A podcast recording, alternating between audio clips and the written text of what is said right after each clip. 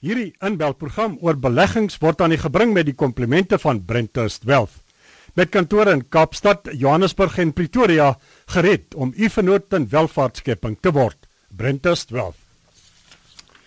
Goeiemôre vanaf die Moneyweb Patelier in Johannesburg en welkom by vanoggend se persoonlike finansies fokus waar ons die klem plaas op oormatige risiko's wat verbonde is aan beleggers wat hoë beleggingsopbrengste najag om hulle lewenstyle te finansier terwyl hulle traag is om verbruiksbesteding uit kapitaal te finansier. My naam is Andrius van Sail, ons beleggingskundige wat vanoggend die warm onderwerp ontrafel en luisteraars se vrae beantwoord. Is Willem Hertzog, beleggingsontleder by Regarding Capital Management, RCM in Kaapstad. Goeiemôre Willem. Goeiemôre Andrius, goeiemôre luisteraars. Ons gaan nou nou die nommer verstrek waarin luisteraars ons regstreeks hier in die ateljee kan skakel om julle vrae aan Wilhelm te stel. Voordat ons daarby uitkom, Wilhelm, waarom die neiging dat uh, beleggers nie met normale opbrengste gemaklik is nie en dikwels uitermate hoë opbrengste najag? Andries, wat ons tans sien in markte wêreldwyd, dis nie uniek aan Suid-Afrika nie, maar mens sien dit ook in Suid-Afrika, is dat rentekoerse besonder laag is as ons kyk na die geskiedenis dan ons nou op punte waar rentekoerse omtrent op 30 jaar laagtepunte is wêreldwyd. En wat dit meebring is dat die rente wat 'n mens kan verdien uit 'n belegging in 'n bankrekening of 'n belegging in 'n gewone geldmarkfonds, daai rente is tans minder as wat die heersende inflasiekoerse is. So mense voel hulle gaan agteruit in reële terme, in koopkragterme, as hulle net hulle geld in 'n bankrekening los of in 'n veilige geldmarkinstrument belê of in 'n geldmarkfonds belê. So dit dryf mense daartoe om hoër opbrengskoerse te soek op beleggings. In hierdie proses neem mense meer risiko as wat eintlik geregverdig is en word die saad gesaai vir swakker beleggingsopbrengste in die toekoms. En hierdie gedrag word gedryf deur die groot vrees wat mense het om nie besteding te finansier uit kapitaal of kapitaalopbrengste nie, maar om besteding te finansier uit inkomste, het sy rente of dividende inkomste. So dis hierdie faktore en hierdie emosionele ehm um, neigings wat daartoe lei dat mense tans wêreldwyd geneig is om te veel risiko te neem in 'n poging om inkrementele inkomste te verdien. Willem ons gaan nou nou beweeg in die rigting van daardie kapitaal wat gebruik kan word. Uh, miskien net wat is die uitermate hoë risiko's wat hier te sprake is waarvoor beleggers nou gaan? Wel, as mens kyk na baie instrumente en beleggings wat tans vir mense 'n hoër opbrengs bied as kontant in die bank of kontant in 'n geldmarkfonds, dan kyk mense baie keer na beleggings soos eiendomsbeleggings of die effekte van maatskappye wat nie noodwendig baie sterk finansiële posisie is nie. So daai tipe beleggings het histories vir mens 'n sekere vlak van opbrengs gegee. In hierdie soeke na inkrementele opbrengs het beleggers en of wêreldwyd eintlik die opbrengskoers wat mens kan kry op beleggings soos genoteerde eiendom of beleggings in die effekte van meer riskante maatskappye gedryf na vlakke wat eintlik baie laag is in die historiese konteks. Wat dit vir ons sê as ons na daai opbrengsvlakke kyk, dan sien ons ja, die opbrengs wat jy kan behaal is wel moontlik hoër as wat dit is in 'n bankrekening of in 'n geldmarkfonds, maar die risiko wat gepaard gaan aan 'n belegging soos eiendom of soos in die effekte van 'n meer riskante maatskappy word nie voldoende voor vergoed deur die vlak van inkrementele opbrengs wat mens tans verdien op daardie beleggings bo die rente of inkomste wat mens sou kry uit 'n bankrekening of 'n geldmarkfondsbelegging nie. Willem, maar nou is dit eh, 'n gegewe, daar is beleggers met die rentekoerse wat baie laag is in uh, baie gevalle op 30 jaar laagtepunte. Beleggers kan nie uitkom met te beleggingsopbrengste nie. So, wat is die meer veilige alternatief uh, dan om jou finansiële verpligtinge na te kom? Jy het net nou maar vlugtig daarna verwys. Ja, die geheim in hierdie proses is om nie so sterk vashou aan die dogma van spandeer inkomste en nie kapitaal nie. Soos ek gesê het, intuïtief voel dit altyd vir mense veilig om seker te maak dat jy nie kapitaal spandeer nie en slegs inkomste of die inkomste nou rente of dividende is of wat die aard daarvan ook al was. Maar daai dogma kan gevaarlik wees as dit mens dryf na 'n posisie waar mens in ris meer riskante bates belê as mens eintlik behoort te belê bloot weens die feit dat hulle vir jou 'n bietjie inkrementele inkomste opbrengs gee. Die manier om hierdie probleem te oorkom is dood eenvoudig om te sê nee, geld is geld. Of dit in die aard van inkomste kom en of dit in die aard van kapitaalopbrengste kom, daai opbrengs wat ek verdien het, is geld in my sak. En die portefeulje wat ek besit kan 'n sekere vlak van besteding ondersteun oor die langtermyn. En of die opbrengs wat ek verdien in die vorm van inkomste of kapitaalgroei is, is nie eintlik relevant tot die vlak van besteding wat my portefeulje van beleggings kan ondersteun oor tyd nie. Die tema van vanoggend se gesprek is die gebruik van kapitaal om verbruiksbesteding te finansier in steede dat uh, beleggers hulle beleggings of hulle beroep op beleggings uh, met baie hoë risiko's en hulle dan blootstel aan uh, moontlike beleggingsverliese en dit alles uh, om hulle beleggings of liewe om hulle hulle verbruiksbesteding te finansier. Die nommer wat luisteraars uh, ons sommer nou reeds hier in die ateljee kan skakel, dis 011 6842780. Ek herhaal net weer die nommer 011 6842780. Julle sal by Janine uitkom. Hou asseblief die vraag kort na op die punt af en vertel sommer ook uh, vir ons wat uh, julle doen om julle beleggingsinkomste op 'n betreklike veilige manier op te stoot om uh, die nuwe bykomende finansiële verpligtinge na te kom of om dan beleggingsinkomste wat op lae vlakke staan aan te vul. Die gesprek is uh die gebruik van kapitaal om verbruiksbesteding te finansier in steede daarvan om hoë risiko beleggings na te jaag om buitengewone beleggingsopbrengste te vermag. Wilhelm, wat van die gevestigde praktyk of dat ek liewer so sê die gevestigde geloof dan dat jy inkomste gebruik om jou uh, uitgawes te finansier en nie kapitaal. Dis tog al 'n uh, ingewortelde praktyk wat nou al jare lank uh, ingeglo word. Ja, dit is so. Dit is 'n baie algemene neiging wat mense het en geloof wat mense het. En histories was dit nie noodwendig 'n slegte praktyk om by te hou of gebruik om te hê nie. Maar soos ek gesê het, daai geloof dryf mense tans na soeke vir inkrementele inkomste op plekke waar die risiko's wat mens neem om daai inkrementele opbrengste te behaal nie eintlik geregverdig is nie. Ek dink ons het 'n bietjie die syfers gaan kyk en as mens as mens kyk oor die laaste 10 jaar byvoorbeeld.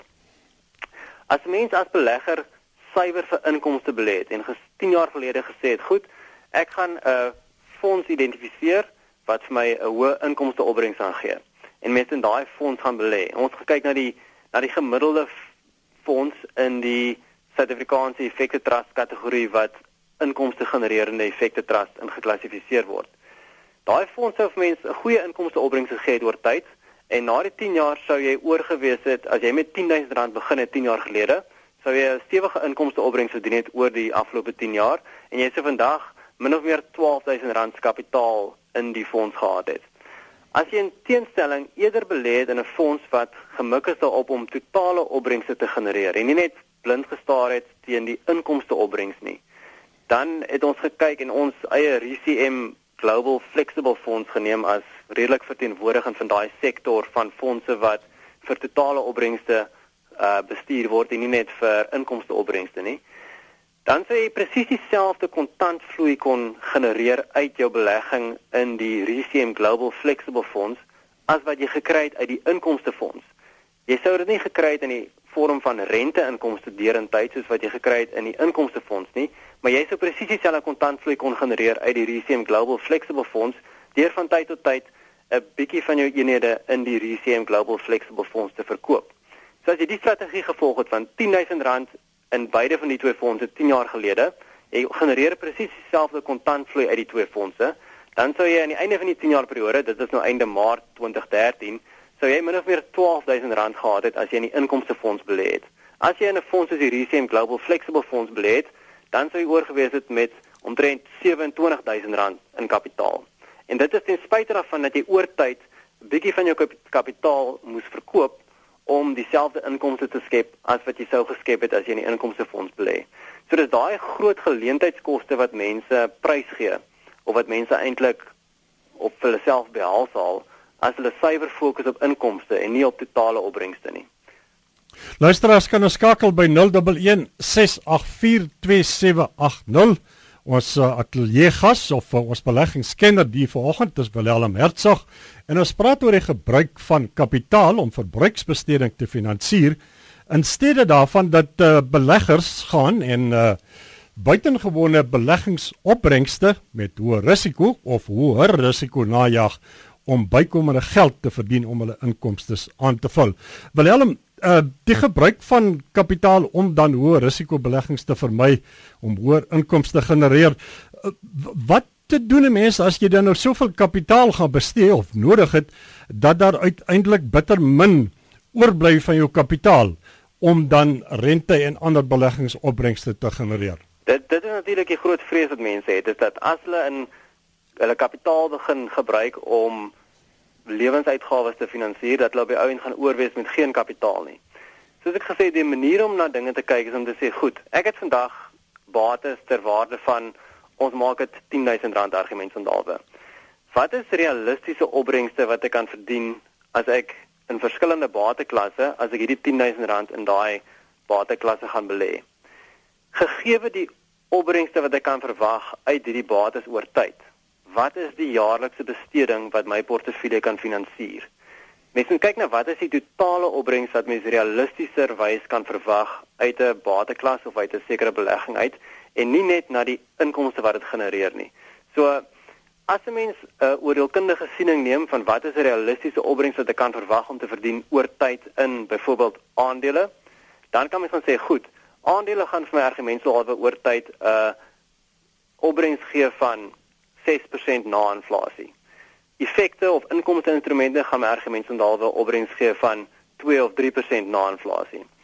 Gegeewe daai kan ek oor tyd 6% per jaar van my aandeleportefeulje bestee en ek sal aan die einde van daai periode van tyd nog steeds my inflasie aangepaste waarde van my kapitaal konstant gehou het. Ek sal met ander woorde presies dieselfde koopkrag hê aan die einde van daai periode van tyd as wat ek sou gehad het aan die begin van die periode van tyd. Die eenvoudige waarheid is dat as mens gaan belê in 'n bateklas waar jou na-inflasie opbrengste laer is as wat dit sê maar aan aandele sou wees, dan gaan jy oorwees met dan gaan jy in 'n situasie wees waar jy of minder kan spandeer oor tyd om jou kapitale waarde in inflasie aangepaste terme konstant hou hmm. of jy gaan ehm um, op 'n ander manier moet spaar of aanvul tot jou portefeulje om dieselfde tipe van koopkrag te bou as jy meer as die as die reële opbrengs wat jy verdien op jou ja. inkomste portefeulje spandeer. Willem ons gaan nou nou die gesprek uh, voortsit. Ons gaan kyk na maniere meer spesifiek uh, watter ander bronne daar van inkomste wel beskikbaar is en hoe mense dit kan aanwend sonder dat jy hierdie buitengewone hoë beleggingsopbrengste hoef te gaan najag. Ons skakel skakel voorlopig eers terug na Etienne Lurik by die RSG Atelier in Auckland uh, Park hier in Johannesburg vir handelsnuus. Haai ma, is chips nie ongesond nie? Hoekom kraan dit vir aandete? Dis McCain Original Oven Chips my kind. Hulle word gemaak van regte aartappels wat net gewas, opgesny en voorberei is met sonneblomolie. En omdat hulle nie oondgebak word, bevat hulle 3% minder vet as gebraaide chips. Soos kan hulle sommer elke aand eet as ons wil. Sjoe, dink ma McCain sal eendag roomys maak. As jy dink chips is ongesond, dink weer. Mmm, dink McCain. En kyk uit vir McCain se heerlike ongeskilde rustic oven chips wanneer jy weer inkopies doen. Miracle Magnesium van Body Detox ontvang daagliks goeie terugvoer met pyn, swaibrand, osteoporose, bloeddruk, cholesterol, bloedklonte, waterretensie en krampe. Besoek www.bodydetox.co.za of SMS MMO na 4551. SMS kos R1.50. Maak seker dis Miracle Magnesium van Body Detox. Beskikbaar by alle apteke en nou ook by Dischem, Pick n Pay apteke en ook Springbok apteek wat landwyd aflewer. Het jy jou gunsteling program op RSG misgeloop of het jy iets gehoor waarna jy weer wil luister? Met ons wye reeks potgoeie kan jy beheer neem en luister waar en wanneer dit jou pas. Jy kan die potgoeie aflaai by www.rsg.co.za of as jy op jou selfoon of tablet wil luister, gaan na iono.fm vorentoe skuinstreep rsg. Dit is iono.fm vorentoe skynstreep RSG. Dit is 18 minute oor 12. Ons kyk nog nou na Radio Mark en ook landbou sake, maar vir eers terug na die Moneyweb ateljee. Welkom terug by vanoggend se persoonlike finansies fokus waarin ons die klem plaas op alternatiewe inkomste bronne wat gebruik kan word om verbruiksbesteding te finansier of te help finansier wanneer gewone beleggingsopbrengste te min is. En ons eh, meer spesifiek praat ons oor die aanwending die gebruik van kapitaal om beleggingsinkomste uh, dan aan te vul. My naam is Andrius van Sail, die beleggingskundige wat luisteraars se vrae vanoggend beantwoord. Dis Willem Hertzog, beleggingsontleder by Regarding Capital Management in Kaapstad. Die luisteraars kan gerus vir ons skakel hier by die nommer in die ateljee 011 6842780 voordat die tyd verby is anders hier teen die einde dan kan ons ongelukkig nie meer al daai oproepe neem nie. Willem, is jy nog op die lyn? Ek is op die lyn, Andri. Behalwe dat 'n mens nou kapitaal gaan haal of gaan gebruik in die tradisionele vorming van X bedrag wat jy argumentshalwe vir 'n vaste belegging ingesit het. Kom ons kyk 'n bietjie na hoe 'n belegger sy aandele portefeulje kan aanwend om uh, inkomste te genereer. En ek gaan 'n voorbeeld vir jou stel, dan kan vir jy ons sal miskien uitbrei daarop en sê of dit sou 'n praktiese voorbeeld wees as 'n mens dit dalk as 'n gevalle studie kan gebruik. Argumentsalwe, ek het uh, 3 jaar gelede British American Tobacco aandele gekoop teen R220 stuk. Daardie aandele se prys het intussen tyd gegroei tot R500 per stuk. Nou dit beteken in effek 'n winsgroei wat ek hier gegenereer het oor die afgelope 2-3 jaar dan van R300 sou 'n mens dan in plaas dat jy ergens op 'n ander plek kapitaal gaan haal, sê maar ek vat eerder die wins wat ek op 'n bepaalde aandeel dan gegenereer het en ek gebruik die wins om uh, my inkomste wat ek het uh, aan te vul. Dit is inderwaarheid wat 'n mens sou doen as 'n mens kyk na die aanvulling van inkomste deur kapitaal te realiseer. Ja, heeltemal reg. Maar ek dink British American Tobacco is eintlik 'n baie goeie voorbeeld van 'n van 'n verskynsel wat ons tans wêreldwyd sien. British American Tobacco is 'n voorbeeld van 'n uitstekende besigheid met baie sterk markposisie, baie goeie pryskrag en wat ook 'n lekker sterk dividend opbrengs betaal. Dis die tipe aandeel en besigheid wat tans baie gewild is, juis deels weens die hoë dividend wat hulle betaal. Die ding om te doen op hierdie stadium is nie om te sê, goed, British ek het nou R300 se wins gemaak uit hierdie aandeel nie en ek kan daai wins nou gaan as ware in kontant omskep en ek kan nou in iets anders gaan belê of ek kan nou my lewenstyl daarmee finansier. Die vraag om altyd te vra is wat is die prys van hierdie bate in hierdie geval nou British American Tobacco en wat is die waarde daarvan? As die waarde steeds hoër is as die markprys, dan maak dit sin eintlik om steeds te belê te bly in daai belegging. As die waarde of as die prys hoër is as die waarde van die belegging, dan sou mens sê verkoop eerder uit die belegging uit. Maar die kruks van die saak is om nie 'n mens blind te staar in die dividendopbrengs wat die aandeel betaal of in die geskiedenis van die aandeleprys, waar die aandeleprys vandaan gekom het nie. Mens moet elke keer gaan en sê, goed, wat is hierdie bate werd? Wat is die markprys? As die markprys hoog is, dan maak dit sin om die aandeel te verkoop en eerder daai miskien daai geld dan aan te wend vir die finansiering van uitgawes as dit nodig is en om jouself nie blind te staar in die dividendopbrengs hmm. of die feit dat ek wins gemaak het oor die geskiedenis nie mens moet maar elke keer oordeelkundig op 'n geval tot geval basis gaan daai ja. besluit ja. neem op die lyn is uh, Louis uh, van uh, Louis Robertson van Wes ek is nie so seker ons sien net so die helfte Louis goeiemôre as jy daar Ja, ek is hier ja, goeiemôre. Jy kan my jou vraag vra.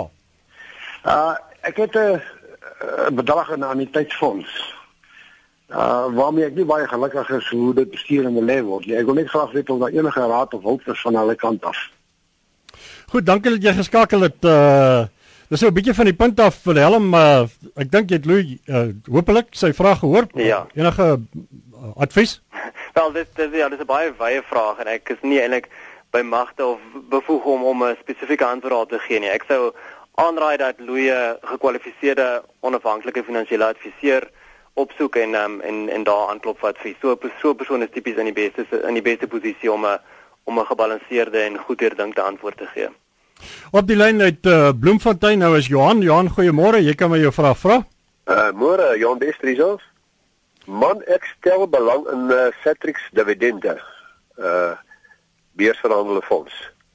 Uh die ander ding is ek wil vra of dit 'n goeie keuse is en tweedens uh hoeveel keer per jaar bepaal hierdie mense dan die hoogste dividendbetalings firmas of hoeveel keer per jaar skuif hulle dan jou jou jou jou geld uh na die hoogste dividend dividend vir firmas toe. Jan, dankie dat jy geskakel het. Uh, dis so effens van die punt af wat ons bespreek. Ek weet nie Willem, wil jy dalk 'n uh, riglyn gee? Ons uh, sekerlik sal nie al die antwoorde hê nie, maar miskien 'n riglyn oor wat om te doen staan om daai besonderhede in die hande te kry. Ja, ek is ehm um, ja, soos jy sê, ek is nie 100% vertroud met hoeveel keer per jaar die Satrix Divi beursverhandelde fonds geherbalanseer word nie. Mense behoort daai besonderhede op die Satrix webwerf te kry. Mense sal dit kan opsoek op die op die internet of ehm um, maar ek dink kommentaar oor Satrix self.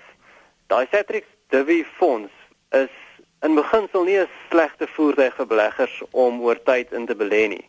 Maar mens moet versigtig wees om bloot in 'n iets soos 'n Satrix Divi te belê net omdat die dividendopbrengs daarop hoër is as die as die rente wat mens verdien op 'n bankdeposito.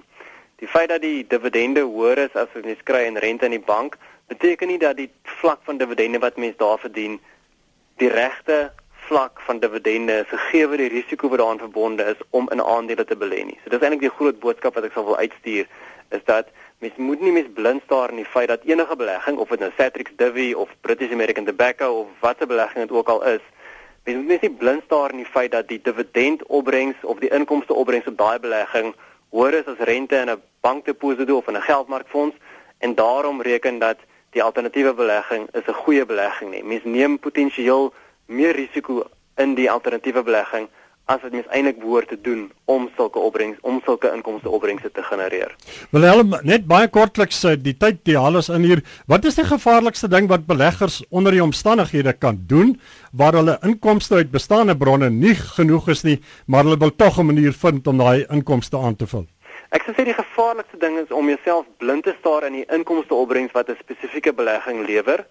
Dit te vergelyk met die opbrengs op kontant of 'n geldmarkbelegging en te sê goed, die feit dat hierdie belegging vir my 1% meer as 'n saldo in die bank gee of in 'n geldmarkfonds dan tot die gevolgtrekking kom dat dit 'n goeie belegging is.